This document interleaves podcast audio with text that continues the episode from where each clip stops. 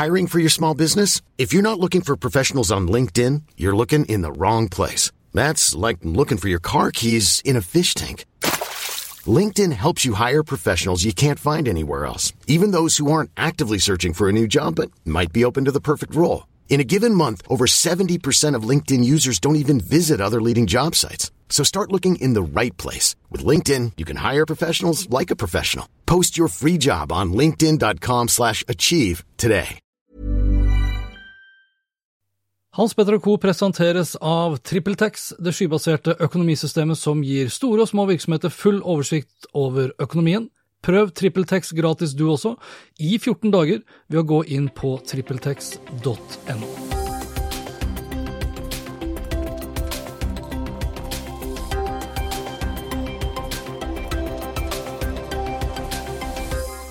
Det vanskeligste er det gode innholdet, skrev jeg på hanspetter.info for tre år siden, og da siktet jeg spesielt til det å skrive godt, for det er ingen tvil om at det er mye enklere i dag å sette opp en blogg eller en nettavis og opprette en Facebook-konto eller en YouTube-kanal, Instagram-konto eller en Snapchat-konto for den saks skyld, og lære seg triks som f.eks. når det er best å legge ut en post, eller hvordan du best bør booste en post for å nå et gitt publikum. Derimot er det mye vanskeligere å skrive godt, eller ta gode bilder, lage gode podkaster eller produsere gode videoer. Og i denne episoden her så skal det handle om nettopp det, om videoer. Gjesten min denne gang heter Thomas Engeseth. Han er tidligere fallskjermjeger, nå fallskjermhopper. Han er snowboarder, skuespiller, manusforfatter, fotograf og frilans TV-regissør og har flere av Norges største TV-programmer på samvittigheten. Thomas tok filmutdannelsen sin på Westerdals og ble i ung alder kjent for sin rolle som Kjell Jensen i de første Olsenbanden junior-filmene. Han har vært bl.a. med på å filme og regissere Camp Senkveld på TV 2, Nissenes mester på NRK, Underholdningsavdelingen, Sommeråpent, Ram ferdig gå, og hang med Helene Olavsen under fotball-VM i Russland, hvor de to lagde utrolig mange morsomme og kreative innslag for både TV-apparatet, men ikke minst for sosiale medier, og da mest av alt for Instagram. Med sin bakgrunn som idéutvikler og improvisasjonsskuespiller er en av styrkene til Thomas å lage originalt innhold som fenger, og det er lett å se hvis man stikker innom Instagram-profilen hans, instagram.com slash Thomas Engeseth, eller når man da blir klar over hvilke TV-produksjoner han har produsert. Og Derfor vil jeg slå av prat med Thomas, for at du og jeg skal lære oss litt mer om hva det er som funker når det kommer til video. Hvordan han tenker fra idé til filming, og så til klipping, og hva som må til av utstyr fra kamerautstyr til f.eks. da redigeringsprogram. Og så begynte jeg med det enkleste først, selvfølgelig. Kan hvem som helst bli god til å lage gode videoer? Dette er Hans Petter og co. Jeg heter Hans Petter, og denne episoden ble spilt inn mandag 20. mai. God fornøyelse. Jeg tror ikke alle klarer å lage engasjerende videoer. Ja, det var ærlig. Man kan jo Altså det handler rett og slett om å Video handler om to ting. Både lyd og video samtidig. Bilder samtidig. Og noen er flinkest på podkast. Noen er flinkest på musikkvideoer, altså stumfilm. Og noen er flinkest på begge deler. Og det er ikke rett og slett alle som er like egna for det. Og så er det ganske mange som trodde ikke var egna for det, som viser seg å være kjempeflinke. Men det å si at alle får til alt, det er jo kanskje litt det har jeg ikke helt råd på. Men kan man, man, kan jo øve seg til å bli god? Absolutt. altså Nå snakker jeg 95% kan få det til med masse hardt arbeid. Ok, men det er... du sa alle timer. Jo, men 95 er jo i praksis alle. Ja, men det er, ikke sant, absolutt. Men det er jo som alt annet. ikke sant? Kan, kan man lære seg å spille, bli skikkelig god til å spille fotball? Svaret er ja, men du må holde på noe inn i helsike. Men jeg tror at folk flest tror at veien er kortere enn den er når det kommer til å lage spennende videoinnhold. Altså, jeg, jeg liker å innbille meg sjøl at jeg er sånn Jeg passer god til å ta bilder. Jeg begynner å bli bedre og bedre til å liksom finne gode vinkler når jeg skal filme. Jeg syns det er gøy å drone, men jeg syns ikke det er så gøy å redigere. Nei. Og er det ofte der liksom det står? Altså, du er jo du er manusforfatter, regissør, du er egentlig alt, da. Jeg tror veldig mye av eh, grunnen til at folk ikke syns det er så gøy å klippe, handler om at eh, de ikke er raske til å klippe. Og der forsvinner gleden. Ja, okay. Man har lyst til å gjøre et eller annet, og så tar det for lang tid å gjøre det. Og ja. da blir man gæren. Det er som å skrive med, altså være på internett med litt for treigt internett. Det klarer man ikke. Vi er vant til at det går innmari fort, Ja. og, og så må man sitte og vente på at den loader hele tiden. blir man helt gæren. Det samme skjer når man sitter og klipper og ikke har fastkeys og er rask bak tastaturet når man skal klippe. Nøyaktig den samme følelsen får man. Det driver og browser, bare at denne gangen er det hjernen din som browser. Og du må først må du bestemme her skal jeg lage et kutt i dette klippet. Da må jeg bort og så må jeg finne denne cut-toolen, og så må jeg trykke på den. Og så må jeg føre musa tilbake til tidslinja, finne ut av hvor det var, og trykke. Og jeg er heldig, så treffer jeg på riktig sted. Hvis du i stedet kan gjøre hele den prosessen ved å trykke på én knapp, der hvor tidshodet er, og så er det et klipp der, så begynner det å bli spennende. Hva er det du bruker for å klippe, du? da? Da velger jeg en Vixmer-knapp som jeg har på Jo, men sånn, Hvilke program er det du bruker? Sånn, ja. Jeg bruker Premiere Pro, ja. Ok. Ja, ja. jeg, Jeg jeg, sitter på, begynte i Final Cut da jeg var 14, og så eh, har jo de gitt seg da for å lage, med å lage videoredigeringsprogram for eh, de som virkelig har lyst til å jobbe med det. da. Begynte okay, å satse, du- på, satse på familien i stedet, så da var jeg ute. du har holdt på da i 15-16 år da, med klippet? Er det sånn, ja? ja, og, da, og nå er du så god som man kan bli, eller? Nei, altså eh, Det går i hvert fall fort, da. Ja. Sånn at eh, jeg sitter i hvert fall ikke og er irritert over at jeg skulle ønske at noe jeg har oppi hodet, ikke blir til. på en måte. At det, er, at det, det, er, det er ikke noe miskommunikasjon mellom fingrene og det som skjer på skjermen. Det er ikke noe lag på internett, og det er veldig, veldig deilig. Ja, når jeg, når jeg ser deg, når jeg følger med eksempel, på type Instagram stories, da, så kan jeg se at du er, du er ute på et sett. eh, Du filmer, og, og du, ja, du, altså du filmer, og du tar bilder, og du lager stories. Og så ser jeg liksom kort tid etterpå, så setter du deg ned, og så redigerer du kanskje bare på en stein, liksom. Ja. Fordi du har ekstremt kort deadline før du skal levere det til et TV-produksjonsselskap. Det, det virker jo ekstremt stressa. ja. ja, det er egentlig det, da. Eh, Men det er utrolig hvor mye stress man overlever så lenge det er gøy. Ja. Det er det som får meg gjennom ganske mange av disse TV-produksjonene. Det hjelper jo alltid altså alltid å jobbe med det du syns er gøy. Helt klart. Og så er det sånn, det kjenner mange igjen de som har jobbet med live-TV og sånn, ikke sant? er, jeg får litt den samme følelsen som disse som jobber med direktesendinger også kjenner på, ikke sant? Ja. Når jeg flyr rundt opp i fjellheimen med Lars Monsen og Herman Flesvig og skal lage det jeg filmer da ute i Steinrøsa, det skal være på TV om tre timer, men jeg skal klippe det sammen på toppen av det fjellet vi er på vei opp til. da vet jeg det at det skal ganske mye til at dette blir én, ferdig, og to, gøy. Og det å da på en måte ha oddsene litt mot seg er litt sånn artig, da. Så da overlever man litt at man må eh, liksom svette til toppen, og, så ser du at du har 17% igjen på batteriet på Mac-en for å klippe det ferdig, og det er ikke strøm på den hytta til Turistforeningen. Oh, shit. Da det er et eller annet gøy med å bli ferdig og rekke det, og så se at å ja, nå var det 400 000 som så det en time etter at det var ferdig. Ja. Det er litt artig, da.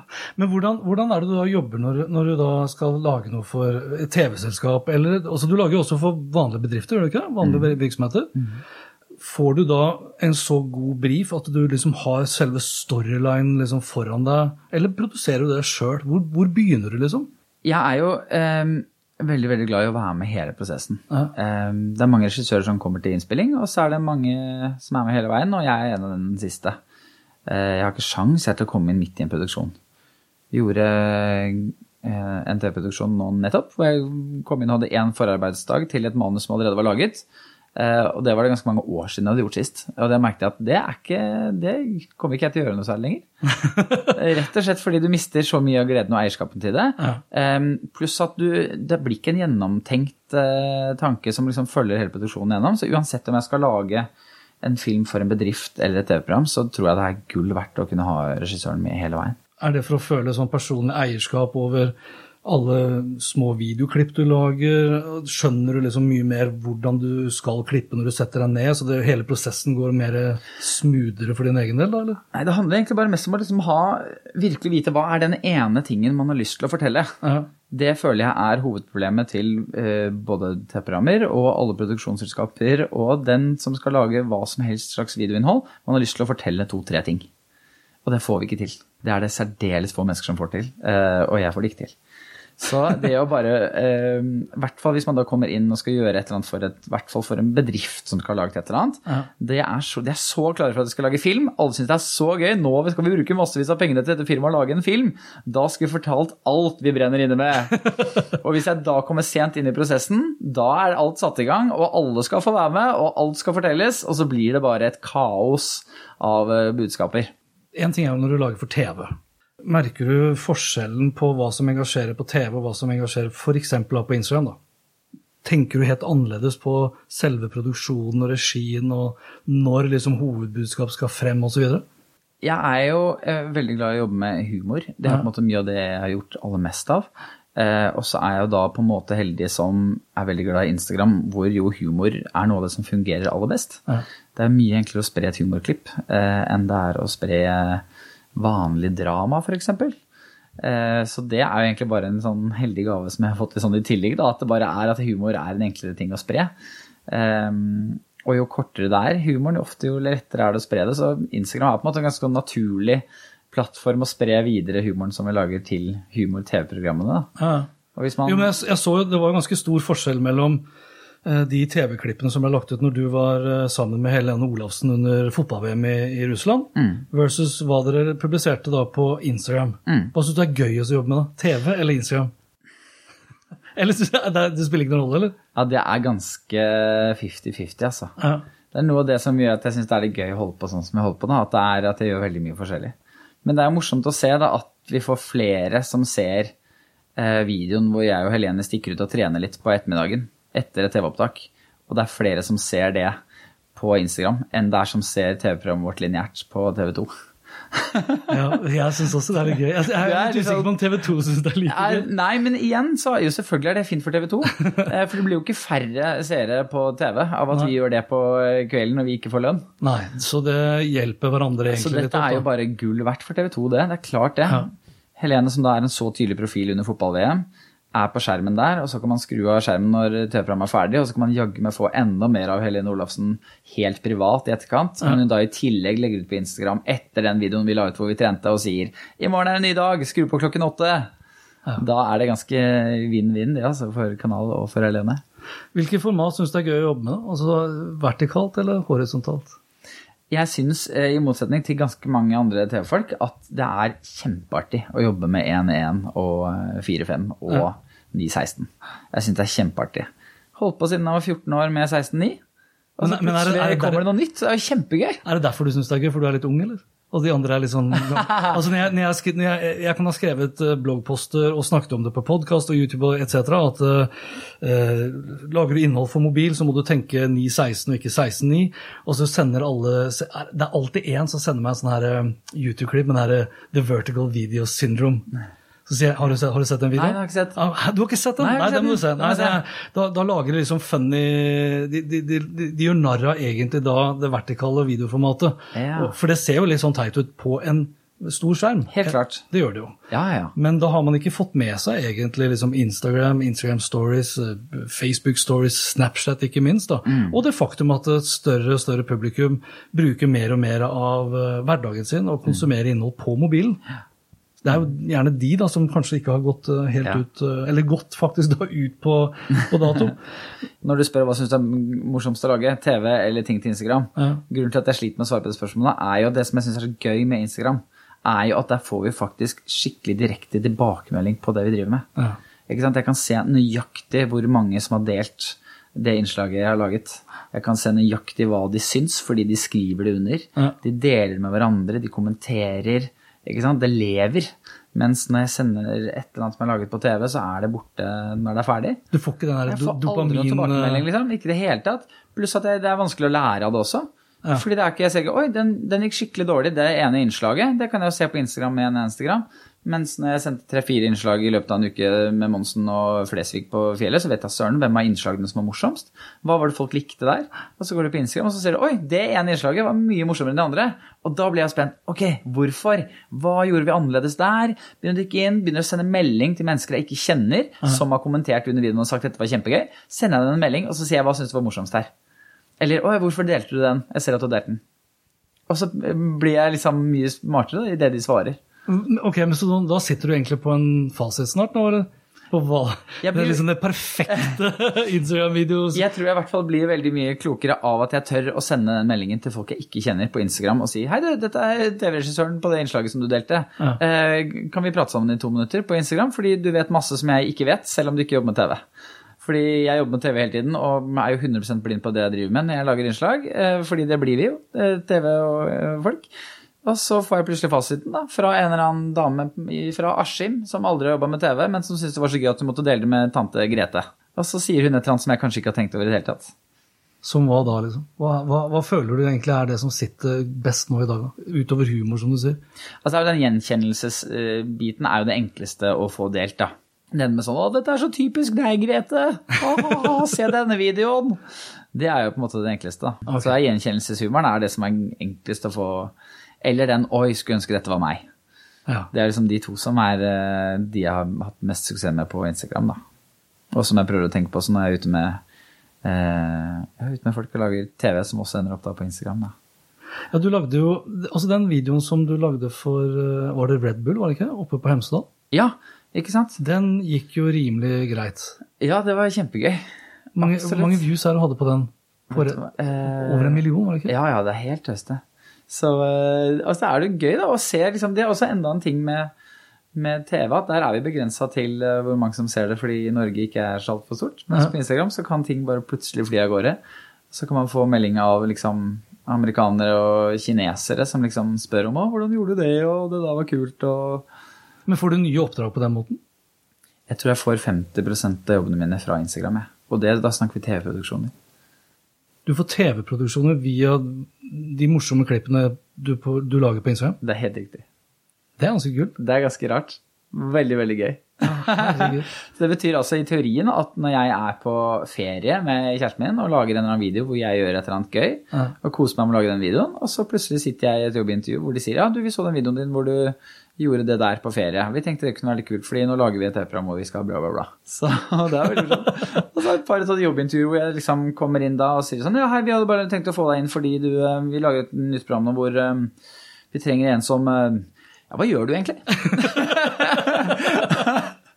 Så de, de har bare liksom fulgt med litt, og så vet ikke 100 hva det er jeg driver med. om Det er, liksom, det er vel regi og noe klipp, men liksom, de har ikke helt fått med seg hva det er jeg gjør. da, Men liksom, de tenkte at ja, men her er det et eller annet, du, kom, du må være med på dette. Ja. Så det er liksom, rett og slett et jobb gjennom Instagram. da. Men det er jo sikkert også fordi de, de ser jo da de, altså En ting er jo de ser deg som person, de ser, altså du, du, har, du lager jo fantastisk kule eh, du har gode farger, det er, det er visuelt vakkert å se på. Så både, ja, men så Alt er liksom så du er en potet, da. Altså, det er jo en måte å si det på. Ja, absolutt. Ja. Fra liksom idéutviklingen til selve produksjonen til at du da deltar i det sjøl.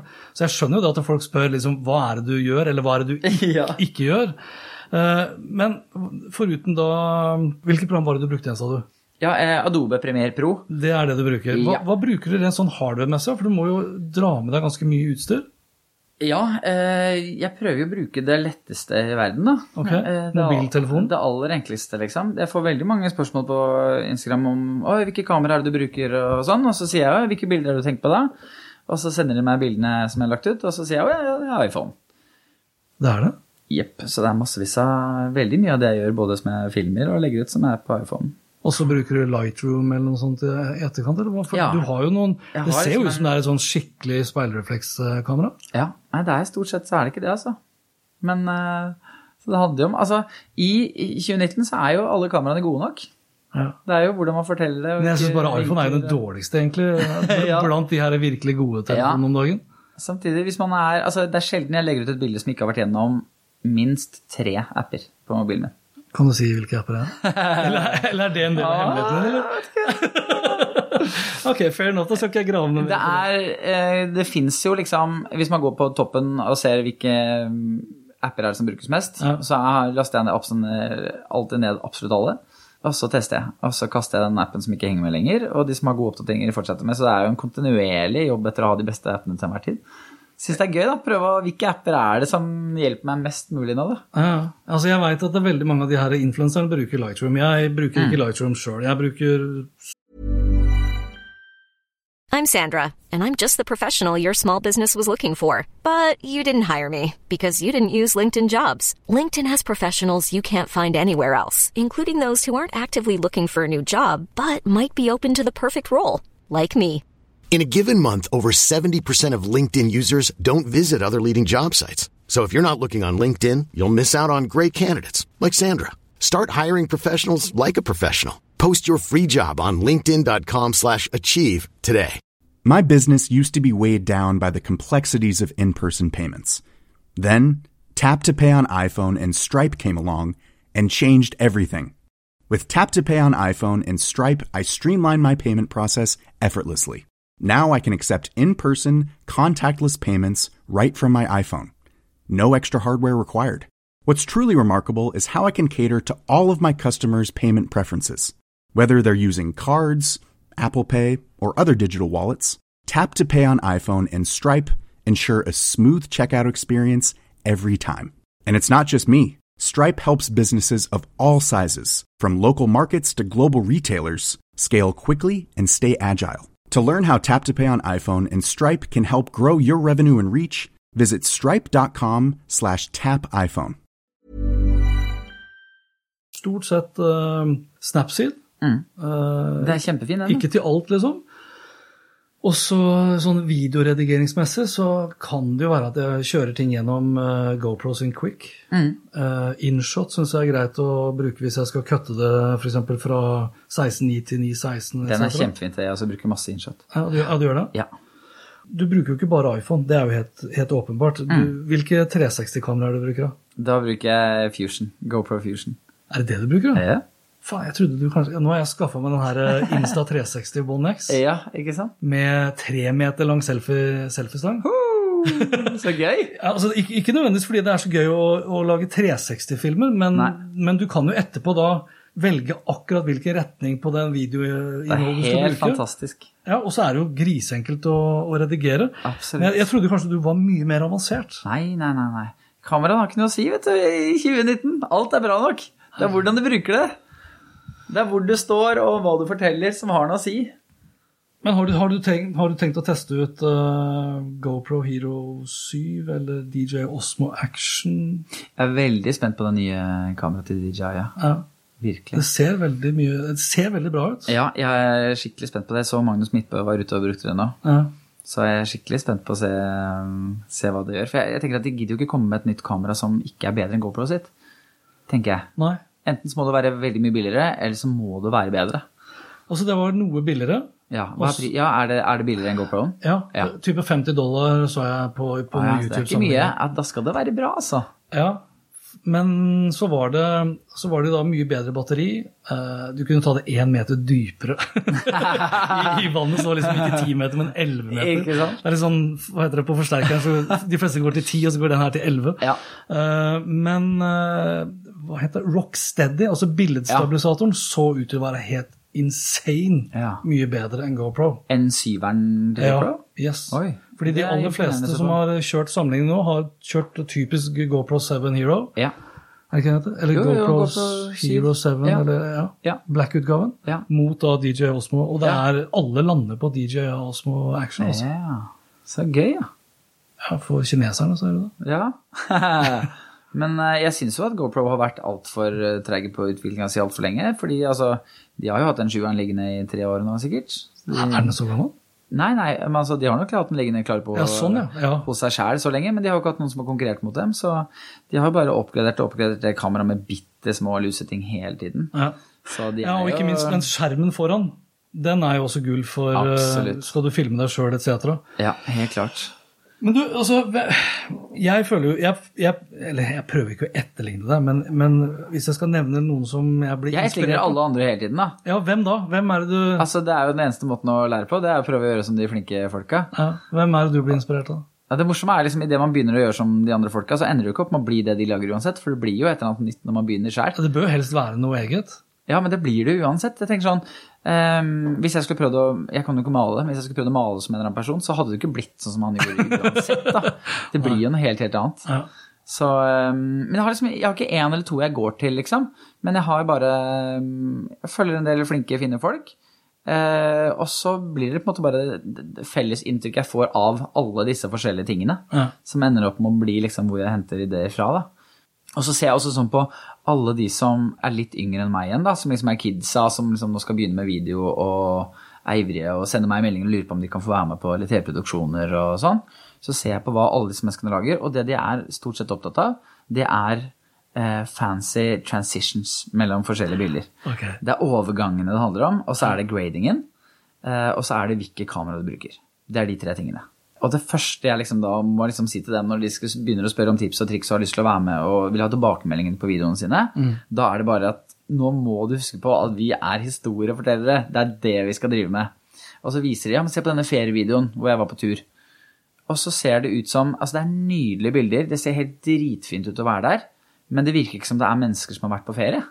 Det virker som det bare er det hotellet de var på, som hadde hyra en eller annen fotograf til å filme liksom The Hotel View, liksom. Ja. Reklamefilmen for hotellet. Det virker ikke som en ferie jeg har lyst til å oppleve. Det virker ikke som noen mennesker som har vært på tur og hatt det fint og opplevd ting og minner og smil og opplevelser. Det liksom er det liksom blottet for, da. Så de menneskene jeg følger på Instagram, er liksom stort sett de menneskene som jeg føler kan liksom vise og fortelle at de har opplevd ting, da, ikke bare liksom peke på ting og lage kule overganger. For det er det mye av på Instagram, altså. Jeg følte meg litt sånn uh, truffet uh, sjøl, for at jeg jo, men Ja, sånn, men eh, altså 95 eh, igjen er jo, er det jeg prater om nå, veldig opptatt av hvilke kamera det er, og hvordan overgangene skal være. Ja. Og musikken stopper, og da går vi over i slow motion, og så begynner det igjen, og så kommer den kule musikken inn. ja, den overgangen der, eller den effekten der med sakte, fort, sakte, Ja. den ser jeg jo veldig mange jakte på. Og det er jo dritkult, det er bare at det forteller ikke noe. Det gir ja. jeg ikke liksom en opplevelse av en kul liksom, ferie annet enn oi, der var det fint. Men den historien, den historien du skal fortelle, den handler jo om da det etterlatte inntrykket. Det gjør jo det. Ja. Hva, altså, når du da skal legge ut noe, enten om deg sjøl, eh, eller om det er på vegne av en kunde, da, så altså, begynner du da, begynner du da liksom på det etterlatte inntrykket. Er det det som legger grunnlaget for den historien du skal fortelle? Emotion rules, det er det jeg begynner alt med, absolutt alltid. Okay. folk eh, ja, Jeg har holdt et eh, Instagram-kurs nå for disse For eh, Hva er det de heter? De er sånn fancy navn. Eh, de som står på ski og hopper i, for Skiforbundet. Norski. De som tar 70 1080 eh, på big jumps. Eh, de, jo, de har tusenvis på tusenvis av følgere. ikke sant? Legger ut de kuleste, feteste skivideoene. Ja. men det er en stor hjelm, og så er det gigantiske snowboard-skibriller. og jeg aner ikke hvordan de ser ut. Eh, og så skal de være med i de største konkurransene i verden. Det er X Games, de står på toppen av et stup ned mot hoppet, og det er 500 000 kinesere som står i bånn og venter, og det er tusenvis av kameraer. Og så går jeg inn på Insta-storyen deres, og det de legger ut er Yeah, okay, new jump, really excited for this, let's go. Og så er det sånn Hva? Du opplever noe helt utrolig stort og spennende, og inni seg så har de en berg-og-dal-bane med følelser. Ja. Men det eneste vi får, er Yeah, really stoked to be here. Just gonna land a couple of tricks. Og hvis det ikke gikk, så var det sånn Yeah, no, just didn't work out. Og rett, altså etter at de slutter å filme, liksom, så kommer følelsene og hele den biten med å shit, jeg er spent før det skjer, eller liksom Å, shit, jeg håper jeg får det til, du har ikke sovet i natt. Ah. Det er jo den biten vi har lyst til å få med oss for at det skal bli spennende å se hvordan det går. Ja. Ikke sant? Så det er den the emotion som rules. Ikke sant? Men, men er, er det jeg ikke, er, ikke det av, er ikke det litt av imaget til den gjengen der også? At de skal være så uberkule? Absolutt. Men når de er ute etter følgere, Ja. Så eh, hvis de vil ha flere følgere, Ja, da må de gå mer historiefortellerveien. Da. Ja. da må de vise hva det er de føler, for det er det vi bryr oss om. Det er da vi blir kjent med dem. da. Og det er kanskje noe av det som er Altså det er mye lettere for meg å fotografere andre eller filme en fin solnedgang enn det er å filme meg selv i den solnedgangen. Ja. Ikke sant? Og det er jo, altså nå, nå har jo du bakgrunn som skuespiller i tillegg, da, så du er vant til å ha liksom, du er både foran kamera og bak kamera. Bør, bør kanskje bedrifter eh, i den grad de da altså Det er kanskje derfor også bedrifter tyr til influensere. Når de sjøl ikke føler at de har den profilen som som kan ytre på den måten som skaper de følelsene overfor, eh, overfor lytterne, lytterne, seerne, publikummet, kundene sine. Og det er, ikke, det er jo ikke gjort over natta, det akkurat det greiene der. Absolutt ikke. Eh, Jeg har holdt ganske mange Instagram-foredrag for bedrifter som Ja. prøver å få flere turister til å komme og feriere der hvor de holder på. Ja. Ikke sant? Og de har de, ikke sant, i Nord-Norge og sånn, ikke sant? disse nydelige naturperlene som de har. ikke sant? Eh, og så skal de vise fram samtidig hotellene sine og guidene sine og se hvor flott det er. Ja. Og så går jeg inn og så ser jeg på eh, videoene som de legger ut og Insta-storyene. Og det er det minst personlige jeg noen gang har sett i hele mitt liv, men det er fantastiske bilder. Det er tatt med det kuleste kameraet, og de har ventet til sola går akkurat nesten ned over fjellet, så du får den fine flairen i linsa, og det ser helt nydelig ut. Men jeg aner ikke hvordan det er å være der. de folka som jobber der, ikke sant? og hundene som kommer løpende mot deg og møter deg, sånn at du omtrent detter over ende. Altså, følelsen igjen, the motion rules, eh, den biten der får man ikke se. Så min største oppfordring til alle disse menneskene som lurer på hvordan skal jeg få solgt flere hundesledeturer liksom, eh, på Svalbard, Ja. vis hvordan det er å komme dit. Hvordan er opplevelsen av å være der? Hvordan er følelsen til de som er der? Og da må du komme tett på med mennesker. Da. Da er det mennesker som må oppleve de tingene, altså. Ja. For det er en milliard fotografer som har tatt kulere bilder enn det du klarer uansett av eh, solnedganger av fjell. De kuleste bildene jeg har tatt, det man må gjøre er jo å prøve å vise opplevelsen på kroppen. da. Og det er jo derfor mange tyr til eh, influensere. ja, og det er ikke noe gærent, det. Ja. Ikke i det hele tatt. Det er klart det. Det funker som bare rakkeren, det. Eh, Du, jeg, har, jeg må komme inn på fallskjermhopping. Ja, For du har jo også en bakgrunn som fallskjermjeger. ja stemmer. Eh, og man ser jo det på Instagram. Du, du nevnte forresten de her svære brillene. Du har vel en del bilder på Instagram med enormt store slalåmbriller? Ja, jeg har ganske mange raske briller. Forskjellen min eh, til det jeg snakket om i stad, er at mitt mål her i verden er ikke å leve av Instagrammen min og få den til å vokse så mye som overhodet mulig. Nei. Hvis jeg skulle få Instagram-profilen min til å vokse så mye som overhodet mulig, så måtte jeg gjort én ting. Jeg måtte valgt enten fallskjermhopping eller TV-produksjon eller snowboard eller hva det måtte være. Jeg gjør alt det jeg selv syns er gøy, Ja. og så legger jeg ut det jeg har lyst til. For målet mitt er ikke at jeg skal få så og så mange følgere i løpet av så kort tid. Mens de jeg er øh, holder kurs for, de er jo veldig opptatt av vekst, vekst, vekst, og da må man tenke på en helt annen måte. Ja, da må man være tro mot det målet, ikke sant? Yes. Instagram er jo nøyaktig som en, eh, som en TV som man skrur på. Eh, her, det er ganske mange fordeler ved å jobbe med TV når man da, eh, da etter hvert begynner å jobbe med Instagram, for det fungerer på samme måte. Hvis du setter på maks eh, på TV-en, da, det er en TV-kanal hvor du forventer at det skal komme Nattpatruljen, det skal komme de som driver med, gravemaskiner, alle de programmene skal komme. Mens hvis du setter på eh, fem, da forventer du Kakekrigen og Say Yes to the Dress. Ikke sant? Disse programmene der. Men hvis du plutselig er på fem, og det kommer inn liksom eh, Plutselig er det Nattpatruljen med masse skrikende politimenn som løper, så er det et eller annet som skurrer. Det samme skjer hvis det er noen som da f.eks. som Herman Flesvig, for eksempel, som eh, legger ut eh, kjempemorsomme videoer av at han er karakterer. Det er derfor vi følger han. Det er derfor vi skrur på TV-kanalen eh, på Instagram som heter Herman Flesvig. Hvis han plutselig legger ut et kjempefint bilde av hytta si fordi han er der og sola skinner og alt er helt perfekt, så er det et eller annet instinktivt inni kroppene våre som vi ikke helt tenker over at vi tenker over, men vi gjør det likevel. Tenker sånn Oi, her er det et eller annet som skurrer. Ja. Her er det et eller annet gærent. Det blir Nattpatruljen på fem, ikke sant? Ja. Eh, pluss at vi følger jo Cabin Life, Extreme Pictures på Instagram, som tar uendelig mye bedre bilder av hytter enn det Herman Flesvig gjør, for det er ikke jobben hans til vanlig. Nei, nei. men jeg ser jo det på altså Du sier jo det at du, du, du, legger ut det du syns er gøy, men du kan, du kan kjenne igjen at det er Thomas eh, Engeseth allikevel. Ja. Og det er vel antakeligvis ikke tilfeldig, det heller. Nei, men det tror jeg vil ha bare med hvordan jeg på en måte forteller det jeg opplever på, tenker jeg. Ja. Altså sånn Ja. type farger og Det går jo vel gjennom de samme appene hver gang, da. Så det blir jo Man finner på en måte litt sånn sin stil på det. Ja. Men du, jeg, jeg sa det her med fallskjermhopping. Du har åpenbart en, en passion for det. det ser jo, Ja. Man ser jo det på, på Instagram-kontoen. Uh, og der er jo mer, det blir jo mer og mer video. Bur, bur, altså Én ting er hvorvidt folk burde lage, og bedrifter burde lage mer video. Burde alle hoppe i fallskjerm òg? Det er et veldig enkelt spørsmål. Ja. Alle burde hoppe i fallskjerm. Hvorfor det, egentlig? Jeg tenker at alle burde ikke holde på med å hoppe i fallskjerm, men alle burde ha gjort det. Ja. Jeg tenker at vi lever på en eh, ekstremt, ekstremt liten klode. Se på hvor store disse klodene rundt oss er. Vi bor på en veldig, veldig liten en. Og her er det liksom tre steder du kan oppholde deg. Det er under vann, og så er det på land, og så er det oppe i lufta. Det er de tre stedene vi har. Det er ingen andre. Det er de tre. Så jeg tenker at i løpet av livet, så vi har liksom 60-70-80 år på oss hvis vi er heldige. Det hadde vært kult å sjekke ut alle tre, da. ja? Jeg tipper det gjør et eller annet med deg, jeg. Og når vi sitter inne i disse flyene som flyr oss fra Oslo til London, så får vi ikke med oss hva det egentlig er som skjer på utsida. Og det som skjer på utsida, er helt utrolig. Det er helt fantastisk. Når man ser opp på himmelen, så er det jo helt nydelig. Altså, Vi glemmer det jo fordi vi ser opp i ny og ne, og man er vant til at himmelen er der oppe. Men når man plutselig kan være oppi der og bare ta det inn over seg, så er det et helt fantastisk sted.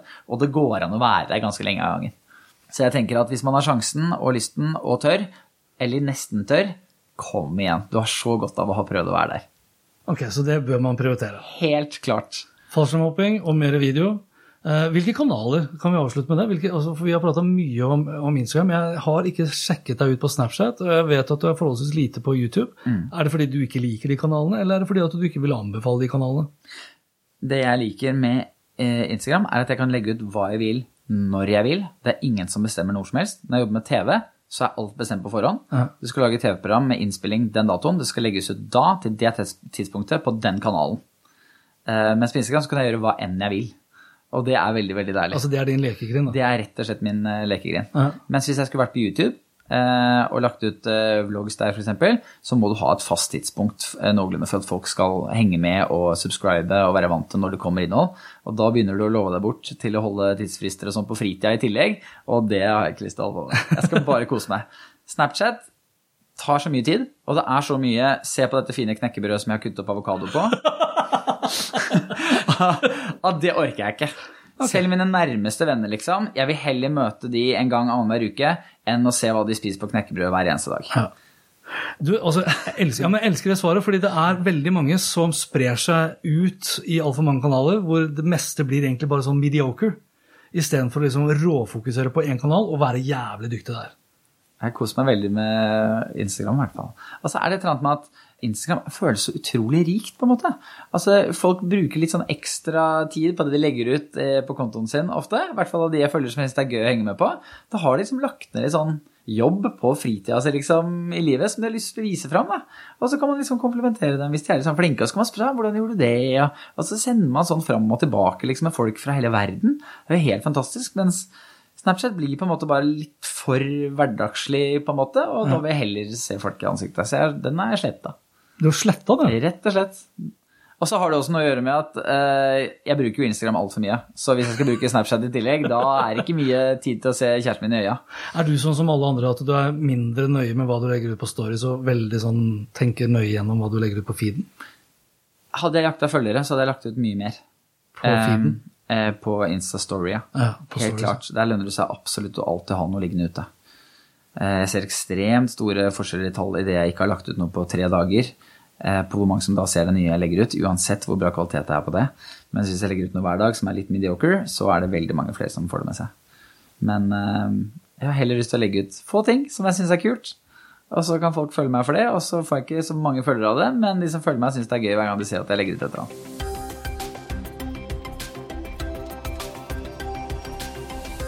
Emotions rules Prøv å huske på det, eller da på godt norsk, følelser trumfer alt. Følelser, og ikke minst humor. Kort er bedre enn langt, og kanskje det aller viktigste, hold deg til én historie. Lag heller flere videoer. Tenk på at publikummet ditt vil like videoen din mye bedre hvis du får dem til å føle noe, hvis du får dem til å kjenne seg igjen i historien, eller hvis du får dem til å ønske at de var en del av den historien du forteller. Og når det kommer til utstyr, så er alle kameraene gode nok i dag. Du kan ikke skylde på kamera lenger i 2019, bare på deg selv, på hvordan du bruker det utstyret du har for hånden. Personlig så skal jeg innrømme at jeg lærte ganske mye, og som jeg forhåpentligvis vil bruke til å bli flinkere til å tenke på fremover også, bl.a. med det å få med seg mennesker inn i de historiene du vil fortelle. De beste solnedgangene er allerede filmet og fotografert, og det hjelper ikke om du så har de feteste overgangene, for en overgang i seg selv skaper ingen følelser, det er det kun vi mennesker som gjør. Så følelser trumfer alt, og er du fortsatt i tvil, så ta deg en tur innom Instagram-profilen til Thomas Engeseth. Instagram.com slash Thomas Engeseth, så skjønner du hva han mener. Og dette var det for denne gangen. Likte du det du hørte, og vil forsikre deg om at du får med deg de neste episodene, da kan du bl.a. abonnere på Hans Petter Co. på Apple Podkaster. Ellers er podkasten også tilgjengelig på Spotify, Google Podcast, Overcast, Acast og TuneIn Radio. Og inntil neste gang, vær nysgjerrig, for det er den beste måten å møte vår digitale fremtid på.